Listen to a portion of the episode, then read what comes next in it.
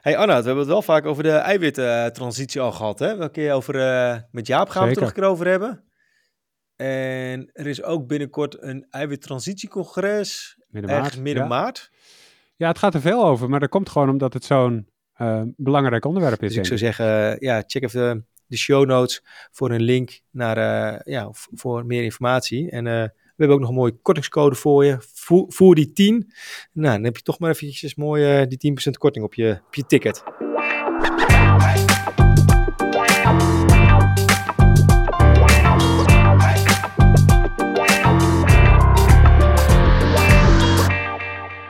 Hey, welkom bij een nieuwe aflevering van een podcast over voeding. In deze podcastserie gaan we in op de wetenschap achter voeding en laten we wetenschappers aan het woord over allerlei thema's die met voeding te maken hebben. En vandaag, ja je hoort het al, gaan we het hebben over de eiwittransitie. Dat gaat over de transitie van dierlijke naar meer plantaardige eiwitbronnen. En de Gezondheidsraad heeft daar in 2023 een advies over uitgebracht. En uh, ja, onze gasten van vandaag zijn gelieerd aan de Gezondheidsraad. Maar dit is heel belangrijk dat ik dit zeg, want dat hoorde ik al van tevoren. Um, ze zijn vandaag op persoonlijke titel te gast.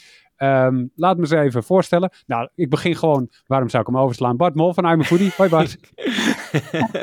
ik ben niet gelieerd aan de Gezondheidsraad. nee hoor, ik uh, ben gewoon die ene jongen van I'm a Foodie. Hey, uh, welkom, goeiedag. Leuk dat yes. we er weer zijn. Dat vind ik ook.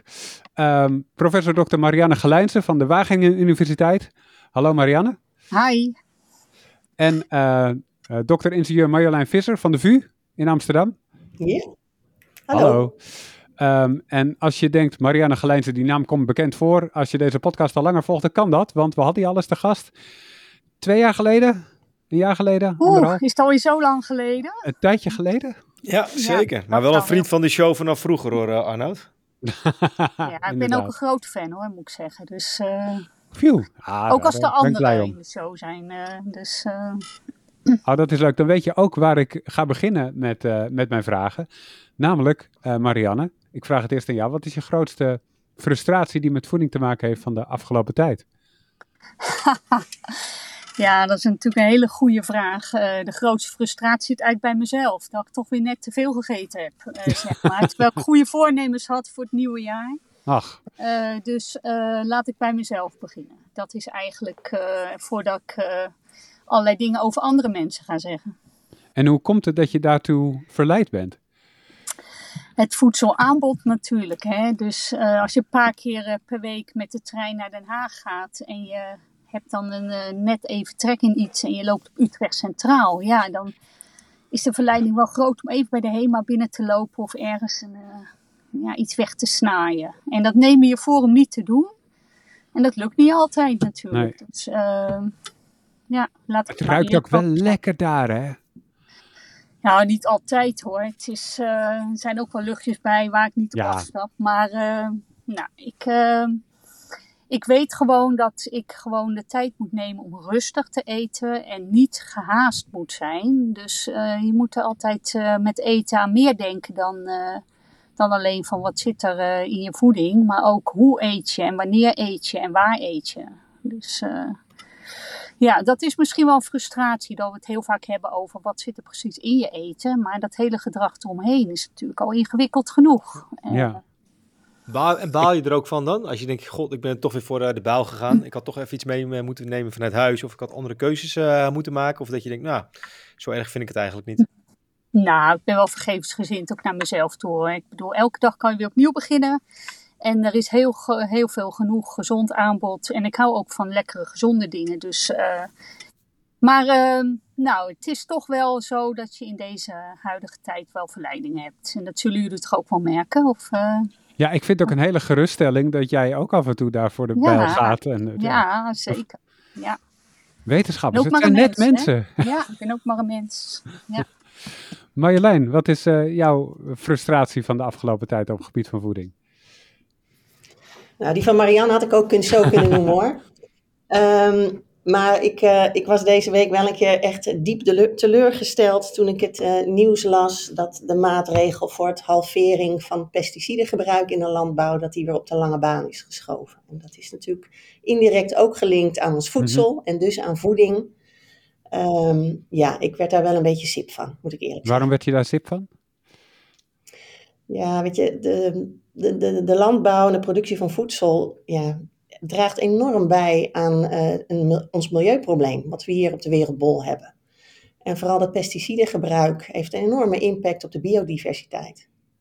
Ja, en ik was heel hoopvol gestemd dat, dat, dat we daaraan wat met z'n allen wat aan gingen doen. Omdat ik voel dat we dat echt ook met z'n allen moeten doen. En dat toch weer op de lange baan schuiven. Ook al snap ik dat het ook wel heel lastig is om het te halveren. Maar het toch weer op de lange baan schuiven als makkelijke oplossing even voor nu. Ja, daar word ik dan wel een beetje verdrietig van. Ja.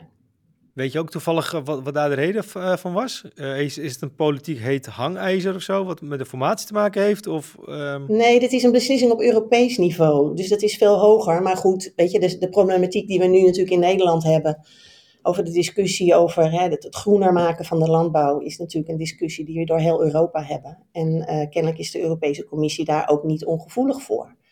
Um, en misschien hebben we het ook een beetje allemaal te lang laten lopen en moet er ineens nu heel veel. En ja, en dat levert natuurlijk ook weerstand op. Dus het is aan de ene kant begrijpelijk, maar voor ons aardbolletje is dit wel een heel vervelend besluit. Ja, ja is het ook wel. En uh, via de landbouw komen we natuurlijk heel snel terecht bij hoe we onze eiwitten tot ons nemen. Uh, want we gaan het hebben over de eiwittransitie. Um, Marianne, laat ik gewoon bij jou beginnen. De eiwittransitie, een hele simpele vraag. Wat is het precies? Wat betekent het concreet? Ja, nou, wij zijn gewend om dat woord heel vaak te gebruiken uh, binnen de voedingswetenschap en beleid enzovoort. Maar het is natuurlijk een heel gek woord, hè? de eiwittransitie.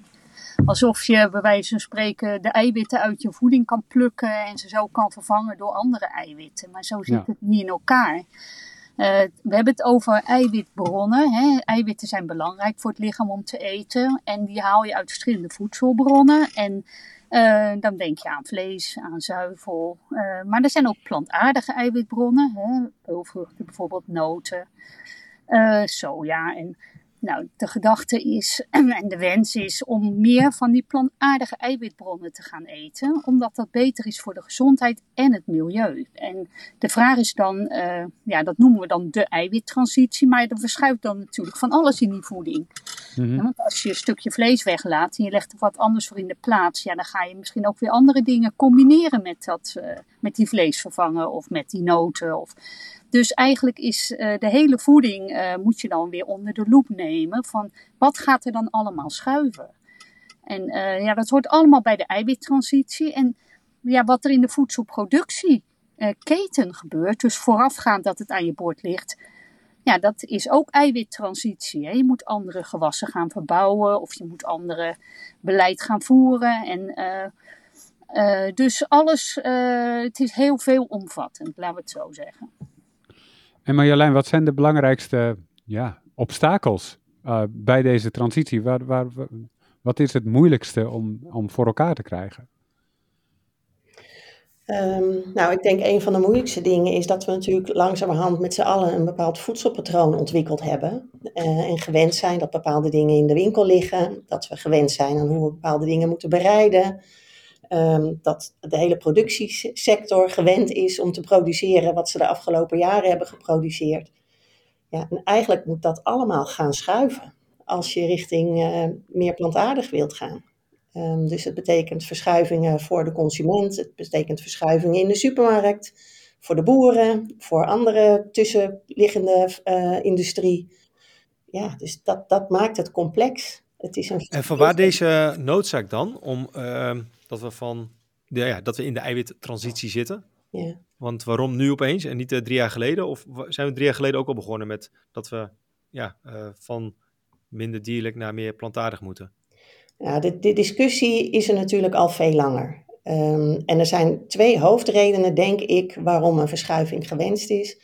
Het, eerste is de milieudruk van onze voedselproductie. De manier waarop we nu voedsel produceren um, is niet goed voor de aardbol. Het vervuilt de aardbol, het put het uit. Um, um, dus als we uh, zo doorgaan en we zien dat bijvoorbeeld heel veel landen de vleesconsumptie ook alleen nog maar stijgt, weten we gewoon dat we de aarde aan het uitputten zijn. En het tweede probleem, en dat is ook een hele belangrijke, is dat het aantal mensen op deze aardbol is nog steeds aan het groeien. En ook op de lange termijn wil je al die monden kunnen voeden met gewoon gezond voedsel. Ehm, en als je zo door blijft gaan als nu met wat we eten en wat we produceren, dan hebben we niet genoeg voor iedereen. Dus het zijn eigenlijk twee belangrijke redenen waardoor er wel, waarom er echt wel wat moet gaan gebeuren. En dat gonst natuurlijk al langer in de wetenschap en ook in de media en in de kranten. Ehm, en we verschuiven ook al een klein beetje. Ehm, maar we zien wel dat willen we de klimaatdoelen halen, die natuurlijk nu ook wat scherper gesteld zijn als dat dat 10 of 20 jaar geleden was. Um, ja, moeten we echt wel aan de, aan, aan de slag. Je zei we schuiven al een beetje. Wat, uh, hoe, hoe ontwikkelt zich dit? Is de transitie al bezig of zijn we hier, hiermee aan het beginnen? Uh, mondjesmaat zijn we er al mee bezig. Um, het uh, eh, RIVM in Nederland uh, die meet wat de gemiddelde Nederlander eet. En dat doen ze om de zoveel mm -hmm. tijd. Um, en met die waardevolle gegevens kan je dus heel goed zien of Nederlanders gemiddeld anders zijn gaan eten. En dan zie je dat we heel langzaam kleine stapjes maken naar iets meer plantaardig eten. Uh, het gaat dus de goede kant op, maar het zijn wel kleine stapjes nog. Um, dus uh, het heeft zich al een beetje ingezet. Um, we zien natuurlijk ook dat hè, dingen als uh, uh, vegetariër zijn of veganist zijn, daar lees je nu ook veel meer over dan dat je dat 20 of 30 jaar geleden uh, over las. Dus, dus je ziet al wel wat verschuivingen en soms hele extreme verschuivingen richting plantaardig. Um, maar um, het mag nog wel iets harder als we de klimaatdoelen willen halen. Ja. ja. En Marianne, eh, ja, of wou je iets aanvullen? Ja, ik wou wel iets aanvullen, want uh, dit is de ene kant, hè, dat is het klimaat. Maar uh, je vroeg van is het al langer aan de gang? Uh, kijk, de Gezondheidsraad heeft in 2015 ook al richtlijnen uitgebracht hè, van de verschuif naar een meer plantaardig voedingspatroon. En dat was ook voor een heel belangrijk deel gebaseerd op de, de gezondheidswinst die je daarmee bereikt. Maar we weten wel ook dat plantaardige voedselbronnen uh, ja, beter zijn voor het voorkomen van allerlei welvaartsziekten. Dus dus van die kant uit geredeneerd is het ook uh, ja, een verschuiving die al langer de aandacht krijgt. Alleen nu door het milieu, door de klimaatproblematiek, krijgt het wel nog een vergrootglas erop. Ja. ja. Maar dus eigenlijk heb je als eh, consument nu twee argumenten om eventueel wel die overstap daarin uh, te willen maken. Als je zegt, nou, mijn gezondheid boeit me niet, wat ik een beetje raar zou vinden voor, dan als, je, als dat je standpunt is. Maar dan zei, als, als je klimaat wel interessant vindt, kun je alsnog zeggen, nou, dan doe ik het voor nou, het uh, klimaat. Dat is helemaal niet zo gek hoor, wat je nu zegt. Want er zijn mensen die zeggen, nou, ik ben best bereid om wat voor mijn eigen gezondheid in te leveren als het lekker is. Maar of ze dan ook willen inleveren voor toekomstige generaties, ja, dat is een ander argument. En je kan het ook voor een ander doen. Hè? Dat je zegt, nou, dan ga ik toch uh, die plantaardige shift maken omdat ik ook wil dat de rest van de wereld te eten blijft houden. En dat mijn kinderen en kleinkinderen nog genoeg gezond voedsel krijgen. Dus dat is helemaal geen gek argument. Ja. Maar Marianne, dat, dat klinkt dan heel leuk, maar er zijn heel veel mensen die lopen, net als jij, over Utrecht Centraal. Die lopen dan langs zo'n snackpuur en denken ze, oh, lekker frikandelletje. Wil je dat afpakken? Nou, kijk, afpakken. Uh, het gaat erom wat wil je eten voor je gezondheid en wat wil je eten voor het milieu. Uh, dat zijn adviezen hè, die je dan geeft. En iedereen maakt afweging op basis van nog veel meer zaken. Uh, ik ben niet in de positie om te zeggen, jij mag geen frikandel speciaal. Wat ik wel zie, is dat je bij die bij die zaken ook vaker nu vegetarische uh, varianten krijgt. Hè? Ook uit de muur. En uh, dat is toch ook wel nieuw. Dat zag ik eerder niet. Ja, en die worden ook wel vaker gekozen, heb ik de indruk. Hè? Ik heb geen harde getallen, maar... Uh, maar maak je dan een gezondere keuze dan of een duurzamere keuze? Als ik dus niet voor de vleesfrikandel kies, maar toch voor de vegetarische frikandel, ben ik dan al bezig met mijn eiwittransitie? Of moet ik echt een heel alternatief hebben, dat ik die hele frikandel gewoon niet meer kies en dat ik dan voor een mm -hmm ja, uh, bro uh, bro uh, broccoli kies of zo, weet ik het. hoe, Jij snijdt een broccoli dan? in de trein, wat? nou ja, tegenwoordig kunnen ze bloemkool ook al lekker maken, toch? In de oven met allemaal lekkere dingetjes en met saus eroverheen. Ja. Nee, maar ik ben gewoon even aan het denken, ben ik, ben ik dan al in de transitie dat ik niet kies voor die frikandel, maar voor de vega frikandel? Ja, je bent dan wel al in de eiwittransitie. Ja, maar dan moet je even afvragen of de gezondheidswinst heel groot is. Dat hangt er wel van af wat er dan in die vervanger zit. Hè? Uh, daar kunnen ook slechte toevoegingen in zitten of uh, kan te veel calorieën bevatten. Uh, Maar wat eiwit betreft ben je wel minder dierlijk eiwit dan aan het consumeren. In ieder geval minder vleeseiwit. Want het kan ook nog wel met zuivel gemaakt zijn. En zuivel is ook dierlijk eiwit. Hè? Dat moeten we ook niet vergeten. Ook al bevat dat heel veel gezonde voedingsstoffen. Ja, overmatig zuivel eten. Ja, dat zijn toch ook dierlijke eiwitbronnen. Dus het advies van de Gezondheidsraad zegt dan ook: houd je wel aan de zuivelrichtlijnen, maar ga het niet overdrijven. En dus die kant zit er ook nog aan. Ja. Ja, Marjolein, ik zei, het, ik zei het een beetje plagerig, ga je dat afpakken. Maar er zit natuurlijk wel veel weerstand in de maatschappij, denk ik, tegen deze transitie. Klopt dat? Dat is absoluut zo. En er zijn mensen die uh, echt dol zijn op hun uh, lapje vlees uh, elke dag. Of die zelfs juist een beetje doorslaan. Die zijn, die zijn blij met elke veganist, want dan kunnen ze zelf twee keer zoveel vlees eten. uh, dus dat polariseert wel. Ja, je, je ziet dat. Die discussie wordt gevoerd.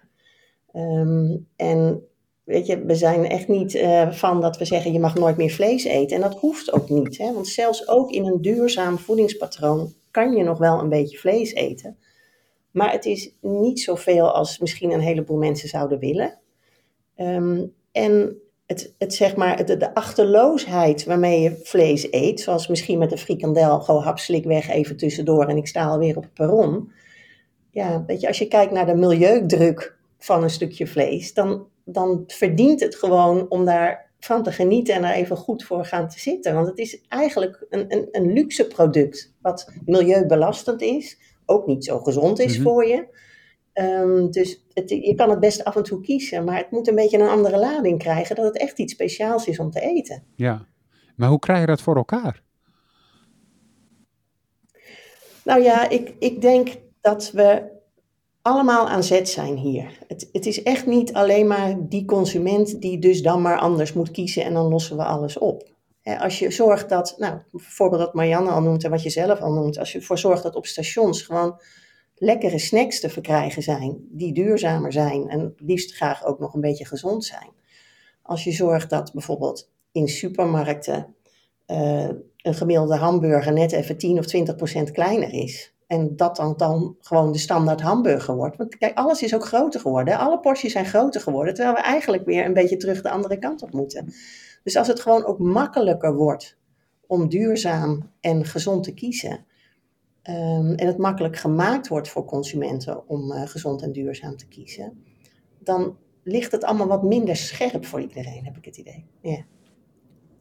Maar is het zo dat um, we dan dat er nu alternatieven zijn voor een vegetarische uh, variant. Nog even de, de, als voorbeeld. Als je een vega frikandel of moet je nog een stap verder denken dat je niet in een alternatief moet denken qua vlees of geen vlees, maar dat je gewoon een heel ander, dat je gewoon helemaal geen frikandel meer kiest. Dat je dus even een heel ander product zou moeten kiezen. Ja. Dat het eigenlijk een soort van tussenoplossing is, omdat je nu een alternatief hebt. Ja, je, je ziet dat mensen daar, het hangt er een beetje van af ook wat, hoe, hoe je je keuzes maakt. Kijk, als je van het beroemde AVG'tje bent, hè, dus aardappel, vlees, groente, dan kan een, een vleesvervanger voor jou een hele handige misschien manier zijn om minder uh, vlees te eten. Hè? Omdat je niet uh, het idee hebt van ja, wat zou ik anders moeten eten? Of heel veel, heel veel andere vegetarische producten misschien niet zo goed kent. Dus het kan voor heel veel mensen een goede oplossing zijn, um, mits die burgertjes dan wel een beetje gezond zijn. Um, maar je kan ook denken aan uh, um, ja, op een andere manier gaan koken, wat al heel veel mensen in Nederland doen. En dat je dus veel meer gebruik maakt van peulvruchten en noten en het combineren van granen en rijst. En op die manier plantaardig uh, op een plantaardige manier meer eiwit binnenkrijgt. Waardoor dat contrast tussen vlees of geen vlees eigenlijk een beetje vervaagt. Dat je gewoon een hele lekkere maaltijd hebt, maar daar zit geen vlees in of minder vlees in. En Marianne, hoe, uh, wat voor soort maatregelen zouden vanuit overheden kunnen komen om zeg maar, die keuze dus voor meer plantaardige eiwitbronnen uh, makkelijker of beter te maken? Ja, ik ben geen beleidsmaker, dus uh, maatregelen dat wordt voor mij lastig om daar uh, iets over te zeggen. Maar ik heb wel uh, het idee dat, wat Marjolein net zei, hè, zorg dat wat gezond is, dat dat beter uh, verkrijgbaar is, meer in het zicht is. Zorg ervoor dat producten van goede samenstelling zijn. Daar kan je ook maatregelen voor nemen. Hè, dat je eisen stelt aan wat er aan zout of andere toevoeging in de producten mag zitten. En ehm, ja, ik denk ook, je mag ook best wat verwachten van de voedingen die op en rondom om scholen worden aangeboden of in kantines. Wat eet je in een ziekenhuiskantine of hè, restaurant? ik vind het ook niet gezond als je een ziekenhuis binnenloopt en je ruikt de sausijzenbroodjes. Hè, kan daar niet wat aan gedaan worden? Zo zijn er heel veel zaken. Dat zijn, is misschien wel laaghangend fruit wat ik nu noem hoor. Om even in de termen te blijven van de voeding. Maar het is toch wel uh, weer barstiger. Omdat we natuurlijk met een hoop belangenpartijen zitten. Ook in een land als Nederland. Uh, de economie moet ook draaien. Mensen willen ook gewoon uh, niet betutteld worden. Er komt heel veel bij kijken. Maar het, het, verleiden om gezondere keuzes te maken. en hoe je dan je, je leefomgeving inricht. Ja, daar zou een overheid wel betekenis aan kunnen geven. Ja. Ter, voor, ter, voorbereiding van deze show had ik ook wat dingen gelezen en ook wat statistieken. Dat de huidige verhouding, die is aan 60-40. Dus dat 60% dierlijk eiwit en 40% plantaardig eiwit. Is dat een beetje de gemiddelde statistiek die we dan nu hebben? Ja, klopt. Toch? Ja. En, maar wat is dan de gewenste output? Gaan we naar 50-50? Moet het 40-60 worden? En, en, ja, in welke termijn? Moeten we daar dan in 2030 moeten we dan al op 50-50 zitten? Of moeten we eigenlijk veel sneller gaan veranderen de verhoudingen van de dierlijk naar plantaardig? Ja, ik had vijf jaar geleden al op 50-50 willen zitten of zo. Want de richtlijnen goede voeding, die, uh, die zijn al eigenlijk uh, compatibel met die 50-50. Hè? Uh, en die richtlijnen hebben we al heel lang. Maar dat lukt dus nog niet. En als je dan daar nog niet bent, ja, dan duurt het nog langer voordat je op 40-60 zit. Hè? Als je dat, dus het is een traject wat inderdaad uh, langzaam gaat. Uh, maar mensen moeten het ook gaan inzien. Je moet het ook gewoon gaan willen. Jezelf gunnen. Ik gun mezelf gewoon een gezonde voeding. Dat ben ik waard. He, ik gun het mezelf dat ik echt geniet van een goed stukje vlees. In plaats van dat ik het snel even weggraai. En het heeft ook met waardering te maken. Waardering voor je eigen gezondheid, waardering voor het voedsel, waardering voor het milieu en, en de tijd nemen. En ik denk dat een stuk bewustwording dat er wel op gang is. Uh, en uh, ja, en dat als het dan ook via bewustwording gaat, dan beklijft het ook. Dan hoop je ook dat dat gewoon echt blijvend is. Niet even een hype van we gaan opeens met z'n allen aan de vegaburgers en dan gaan we weer terug naar het vlees. Maar dat het ook echt een besef wordt wat wat dieper indaalt dat mensen ja, dat ook op die manier willen en uh, volhouden. ja. ja. Maar een, een transitie, dat resoneert bij mij dat we ergens in een overgang zitten. Dus dat je ook een eindpunt hebt. Maar wat is dan het eindpunt, zeg maar? Ik bedoel, we zitten dus nu op 60-40. Maar moet dat dan... Ja, 50-50 wilde jij een jaar of vijf geleden al. Nou, dat is dus blijkbaar niet uh, gelukt. Wat is het voor jullie het ideale eind, eindpunt dat je zegt, nou, als de gemiddelde Nederlander, wat een gemiddelde ook is, hoe, hoe moet die verhouding eruit zien? Ja, dat is lastig om dat nu te zeggen. We weten wel, als we van hè, de huidige 60-40 naar 40-60 gaan, dan is het ongeveer een kwart minder milieubelasting. Nou, dat maakt echt al wel, dat is een flink slok ja. een borrel. Um, maar er is meer nodig dan alleen maar een eiwittransitie. En afhankelijk van hoe alle andere factoren, die ook soms voedings- voedsel gerelateerd zijn, ook schuiven, kan je dan pas doorrekenen waar moet je dan ongeveer uitkomen. In ieder geval volgens de modellen is het niet heel verstandig dat we allemaal veganist worden. Dat hoeft ook echt niet. Um, maar we moeten wel schuiven. Maar er zijn meer dingen in voeding waar we in moeten schuiven. We moeten ook uh, bezorgen dat we niet met z'n allen zoveel te veel eten. Want dat is ook een soort verspilling van eiwitbronnen ja. eigenlijk. We moeten zorgen dat we niet restjes waar eiwit in zit en sowieso geen voedselresten weggooien. Want dat is ook verspilling. Dat, hè, dan belast je wel het milieu, maar je krijgt er eigenlijk helemaal geen, geen voedingsstof van binnen. Kijk, en, als je dan al die knopjes draait, dan pas zie je ongeveer waar je uitkomt en waar je uit moet komen. Dus dat, dat vind ik nu heel moeilijk te voorspellen. Ik kan niet zeggen, oh, het zou 80-20 moeten worden of 70-30. Dat, dat weten we nu nog niet. Maar we weten wel dat we echt een hele slag kunnen maken en dat we dat gezond kunnen maken. Gezonder eigenlijk nog dan dat we nu leven. Uh, als we naar 60-40 ja. gaan. Of 40 dierlijk, 60 plantaardig. hey, en Marianne, um, je had het over uh, mensen moeten het ja, internaliseren, het echt bewust van zijn. Zie je verschil tussen ja, de generaties, zeg maar. Gaan, zijn jongeren hier ontvankelijker voor dan ouderen bijvoorbeeld? Of juist omgekeerd? Zie je verschillen daartussen? Ja, ik zie wel verschillen. Uh, maar ik wil niet zeggen de jongeren doen het goed en de ouderen niet of zo. Ik zie ook heel veel oudere mensen die zuinig zijn, hè, die dat ook van huis uit hebben meegekregen. Zuinig zijn is ook heel goed hè, uh, in het kader van duurzaamheid. Dus kopen wat je nodig hebt, niet te veel weggooien. Uh, zorgvuldig met voedsel omgaan. Uh, daar zie ik heel veel goede voorbeelden van. Ook, ja, ook misschien met name wel bij de oudere generatie. Ja, zelf werk ik in Wageningen universiteit. Daar zien we heel veel voorbeelden van, van jonge mensen die geen vlees eten. En die dat vol overtuiging ook volhouden en doen. En ja, daar goede voorbeelden in zijn ja, je kan niet echt zeggen de ene groep doet het goed en de andere groep doet het slecht. Het hangt heel erg van de context af. En ik zie restaurants waar het heel goed gebeurt. En waar je echt heel lekker kan eten voor niet al te veel geld. Hè, nou, die hebben dan zelf ook weer het initiatief genomen. Wij gaan dat gewoon doen. En uh, ja, dat vind ik dus ook belangrijk. Die horeca en catering, die hebben ook een voorbeeldfunctie daarin. Uh, die kunnen mensen daarin meenemen. Je gaat dus wat eten waar je niet gewend bent. En blijkt heel lekker te zijn. En dus uh, ja, Marjolein zei net al van uh, we zijn allemaal aan zet. Ik zie heel veel goede voorbeelden om me heen. En uh, ik word daar zelf ook door geïnspireerd. Om weer eens wat anders te doen dan ik gewend ben. Wat, wat voor goede voorbeelden staan je nu bij? Nou, ik, uh, ik heb bijvoorbeeld uh, een vriendin die had chili sin carne gemaakt. Hè, in plaats van chili con carne. Ja, het is maar iets heel kleins, maar die had dat zo ja. lekker gemaakt. Dat ik dacht, ik mis dat vlees echt niet. Dat kan ik ook maken. Waarom moet er gehakt doorheen? Ja. En dat is maar een klein ja. voorbeeld hoor. Maar uh, ja, ik zie ook wel gemiste kansen hoor. Ja, misschien is mijn verhaal iets te positief, maar ik wil het ook, ik wil het ook graag. Maar, nou ja, ja, een voorbeeld wat ik graag wil noemen, en dat vind ik dan zo jammer, dat is dan een, eh, een kantine um, die dan één dag in de week vegetarische dag doet. En dat adverteren ze dan ook, vegetarische dag. Nou, de helft van het personeel is zagrijnig. Want oh jee, het is weer donderdag, het is vegetarische dag. Iedereen werkt thuis, opeens. Nou ja, en dan denk ik, waarom laat je dat gewoon, dat bericht niet achterwege? Waarom zorg je nou gewoon dat als je als kantine elke dag gewoon een lekkere extra snack hebt? En dan staan mensen er meteen heel anders tegenover.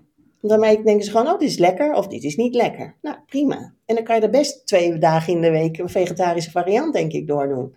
Dus ja, weet je, het, het, is, het is ook zo jammer dat het soms zo zwart-wit wordt gesteld. Van wel vlees, geen vlees. Maar probeer gewoon een verschuiving te maken. En probeer dat lekker te maken en mensen daarmee te trekken. Ja. Het is meer van, het gaat om het lekkere eten. Het gaat niet om het feit of er vlees in zit of niet.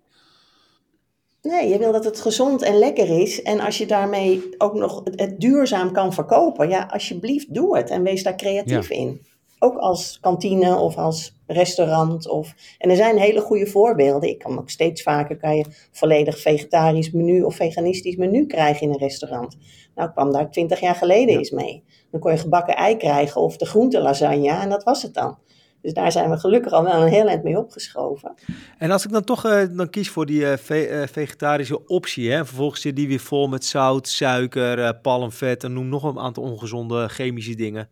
Maak je dan alsnog wel een goede keuze? Of zeg je, want dan is gezondheidstechnisch zou ik denken, weet ik nog helemaal niet of ik dat nou weer zou moeten willen kiezen. Of is dat juist het hele ingewikkelde in, in, in dit verhaal? Ja, maar dan ga je misschien wel uit van een, een, een vegetarisch diner, waarbij je misschien een beetje de, de, de, standaard vleesdingen gaat vervangen door misschien niet altijd helemaal gezonde burgers. Um, maar je kan ook gewoon een prima vegetarisch diner maken met bonen, granen, uh, uh, kruiden, groenten enzovoort. En dan, dan is er helemaal geen sprake van extra zout of palmvet of wat dan ook. Dus het, het, hangt er ook een beetje vanaf hoe je die verschuiving maakt. Ja. Um, en vandaar dat we het ook wel heel fijn zouden vinden dat die wat meer makkelijke vervangers, zoals allerlei burgertjes en worstjes enzovoort, die dan uh, vegetarisch zijn. We zouden ook graag zien dat die gezond zijn. Dat inderdaad dat soort producten, als veel zout en veel verzadigd vet, daar niet in zit. Ja. Ja, ik merk zelf ook wel dat, je, uh, dat het wel bijvoorbeeld eenvoudiger is om bijvoorbeeld als, als je een lasagne maakt, dat je de, de bio gehakt dan vervangt door vegetarisch gehakt. Terwijl je nog een stap verder kan gaan om het helemaal het kopje gehakt eruit te, uit te, halen. En dat je inderdaad dat vervangt door allerlei andere dingen. Maar ja, dat vergt wel weer kennis van, ja, uh, groenten of dingen. Dat je het wel echt op een lekkere manier kan klaarmaken. We moeten misschien met z'n allen weer terug naar de koopschool. misschien is dat wel... Uh... Ja, maar soms ook nog niet eens. Want het is wel grappig dat Marianne net dat voorbeeld van die, eh, van die chili noemt. Um, ik heb een hele mooie dia die ik wel eens in presentaties gebruik. Dan zie je eerst gewoon de standaard chili met gehakt en uien. En nou, gewoon een lekkere chili zoals we die gewend zijn. En dan staat er onder de milieubelasting. En dan maak je daarna een, een variant waarbij je dan het, uh, het runder gehakt vervangt door vegetarisch gehakt. Nou, dan is de belasting ongeveer nog maar 80% van dat oorspronkelijke product. Maar als je dan zeg maar het gehakte uitlaat en misschien wat extra kikkererwten of andere bonen toevoegt met dezelfde kruiden enzovoort, heb je een 80% reductie van je uitstoot.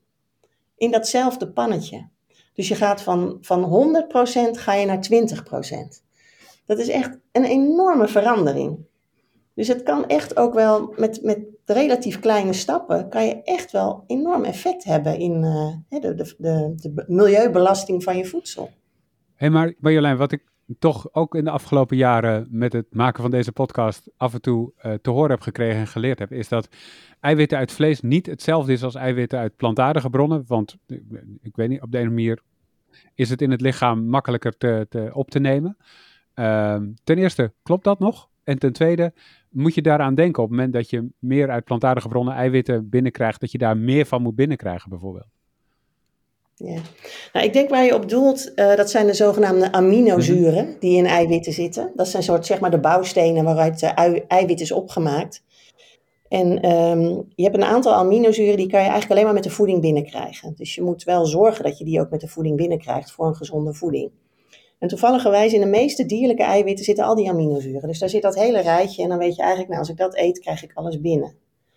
Um, als je bijvoorbeeld alleen maar, zoals gezegd, uh, bonen gaat eten. En je zegt, ik ga geen vlees meer eten, ik ga alleen maar bonen eten. Dan zitten daar nog steeds wel heel veel aminozuren in, maar het pakketje is niet meer compleet. Uh, dus vandaar dat vaak wordt gezegd van ja, dat vlees dat is een mooier eiwitbron, want daar zitten mooi al die aminozuren in. Nou, je kan die, al die aminozuren prima uit plantaardige producten halen, als je maar verschillende bronnen gebruikt. Dus als je alleen maar bonen eet, ja, dan heb je een probleem. Maar als je ook rijst eet en ook noten eet, um, dan, dan is er geen enkel probleem. En kan je al die aminozuren uit die verschillende producten halen. Dus ja, een plantaardige eiwitbron zit wat anders in elkaar dan een dierlijke eiwitbron. Maar juist door bronnen te combineren ben je nog steeds gewoon heel gezond en heel goed bezig. Ja, ik wil ook nog wel... Ja. Oh, sorry uh, Arno. Ja, ga maar Marianne. Nee, want ik sprak laatst een vegetarische bodybuilder en die was heel content hoor met zijn voedingspatroon. En die had uh, behoorlijk wat spiermassa. Dus uh, die hoort ook nog wel eens van, daar kan je geen spiermassa meer kweken. Maar ik denk dat het ook allemaal gewoon wat overdreven is. Je moet gewoon, als je vegetarisch eet, kan je ook prima spiermassa kweken. En je hebt heus niet zo heel gauw tekort in allerlei uh, stoffen als je dan dat vlees laat staan. Er zijn ook gewoon mensen die, die gewend zijn om heel weinig vlees te eten. Die zijn ook. Uh, het is net wat je. Je moet verstandig eten volgens schijf van vijf. Uh, dat is altijd goed. en dan krijg je echt alles wel binnen wat je nodig hebt. Hè? Zuivel bevat ook veel aminozuren en soja. En nou dus uh, het wordt gauw overdreven, vind ik. Ja, want uh, mensen zijn toch wel van die gewoontedieren, of in ieder geval dat ze denk ik best wel vaak ook zoeken naar een quick fix. Want hoe zit het dan bijvoorbeeld met die eiwitshakes of al die eiwitpoeders die ik allemaal in de supermarkt zie staan? Die schappen lijken ook elke dag groter uh, te worden. Ik bedoel, is dat, dan, uh, is dat dan de gewenste stap in die transitie? Of is dat weer ja, vijf stappen verder. Die zegt, ja, die kant moeten we juist ook weer niet, op willen. Nee, ik, denk dat het is alleen maar... Kijk, eigenlijk in heel Nederland, gemiddeld genomen, eten we al iets te veel eiwit. Uh, dus er kan best wat omlaag. Dus als je dat in gedachten houdt en ook nog de milieubelasting van de productie van eiwit in, in, de, in voeding, als je dat in gedachten houdt en dan aan de andere kant al die eiwitverrijkte producten in de supermarkt ziet, dan denk je, nou, hier, hier klopt iets niet. Dat gaat echt tegen die, die trend in. Maar ja, weet je, het is ook gewoon een, een, een markt. Het, wordt, het is ook gewoon een marktproduct. Er wordt geld mee verdiend. Ik zie heel veel jonge jongens in de sportschool die sferen bij al dat soort eiwitproducten. Want ze voelen dat ze dat nodig hebben om hè, hun spieren te kweken. Wat helemaal niet hoeft. Um, misschien dat sommige ouderen er nog af en toe de vruchten van kunnen plukken. Hè, die met, met nog maar weinig eten en daarmee mogelijk te weinig eiwit binnenkrijgen. Nou, voor dat soort mensen zijn dat soort producten echt ideaal. Maar dat is maar een heel klein groepje van onze hele brede samenleving. Wacht, als je ouder Dus ja, bent dan... het druist in tegen het idee van eh, eh, eh, ja, dat, het- dat het allemaal wel wat minder Ja. kan. Maar als je ouder bent, dan zijn die shakes dus wellicht wel een goed idee. Voor een bepaalde groep ouderen. Er zijn ouderen die gewoon nog een, fantastisch goed eten, genoeg eten, nog heel energiek zijn, bijdragen aan de maatschappij enzovoort. Maar we weten ook dat sommige ouderen, die, vooral met onderliggende ziektes, ehm, dat het soms lastig is om genoeg te eten. Ja. Ehm, en als je moeite hebt om genoeg te eten, en ook misschien zelfs al een beetje aan het afvallen bent, dan is het nog moeilijker om genoeg eiwit binnen te krijgen. Dus ja, voor, voor dat soort mensen kan dat echt een, een aanwinst zijn om zo'n product eh, eh, te nemen. Om toch op een makkelijke manier, met weinig volume, redelijk wat eiwitten binnen te krijgen, die je echt voor je spieren nodig hebt. Maar dat is totaal een andere situatie dan gewoon een, een jonge, gezonde Hollandse jongen die eh, lekker wil sporten ja, die eet van zichzelf al wel goed. Want hij sport, dus hij eet ook meer energie. Nou, dan krijgt hij ook wel genoeg eiwit Ja. binnen. En dan nog een, een vraag van een heel andere orde. En ik weet niet wie van jullie twee dit kan beantwoorden. Maar, eh, ehm, want we doen dit mede voor de planeet. Maar we zijn niet als enige land op deze planeet. Hoe eh, doen we het ten opzichte van ja, de landen om ons heen? Hoe zitten die in de eiwittransitie? Gaat dat op dezelfde manier? Ja, we zien wel dat, eh, hè, dat de richtlijnen eh, goede voeding, om het zo maar te noemen, in verschillende landen eigenlijk dezelfde kant op bewegen.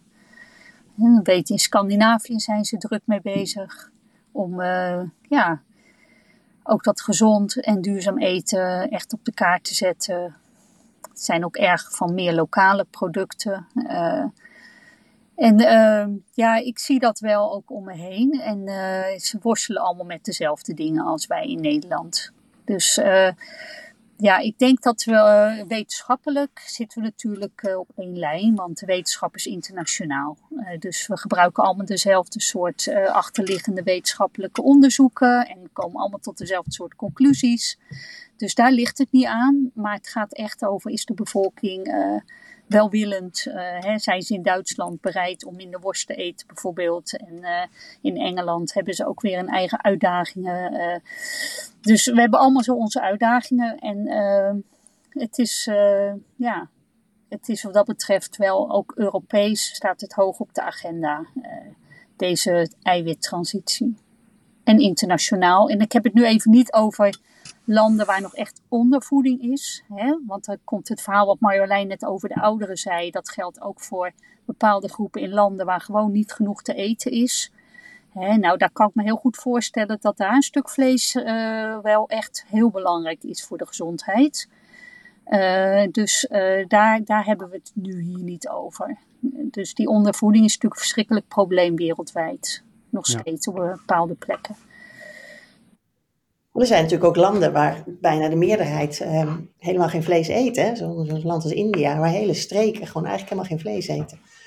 Dus dat is ook wel Ja. weer grappig, die verschillen op de wereldbol. Ja. Dus die hebben dan weer, eh, ja, die zullen ook weer een eigen uitdaging hebben op het gebied van voeding, lijkt me. Maar- Absoluut, absoluut. Maar het laat wel zien dat een heel volk kan thriven Ja. ehm, ja, met een heel ander voedingspatroon.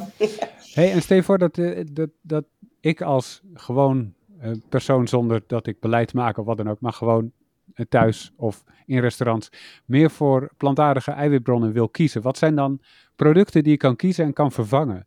Wat zijn de, ja, de, gewoon, waarmee je het meeste winst behaalt, zeg maar, eh, op dit gebied?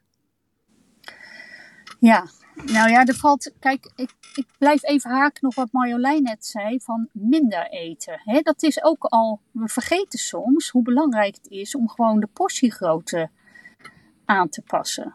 Dus eh, soms kan je kiezen, hè, en als, je, als je dan toch een stuk vlees wil kiezen, dan heb je vaak een medium of een XL of een XXL variant of zo in de steakhouse. En ja, daar is natuurlijk al de eerste winst te bereiken. Eh, als je van rood vlees naar wit vlees gaat, hè, dat is ook al een belangrijke stap. Hè. Dus als je van rundvlees overstapt op een stuk kip in een restaurant bijvoorbeeld, dat is ook al winst. Hè. Dus eh, er zijn allerlei eh, stappen te nemen. Dus minder eten of minder grote portie, van rood naar wit vlees, of misschien dat vlees weglaten.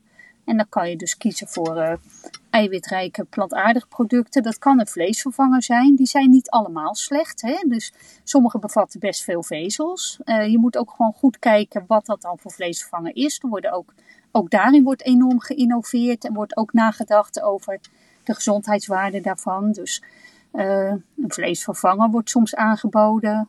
Uh, je kan kiezen voor die noten of die peulvruchten, bonen.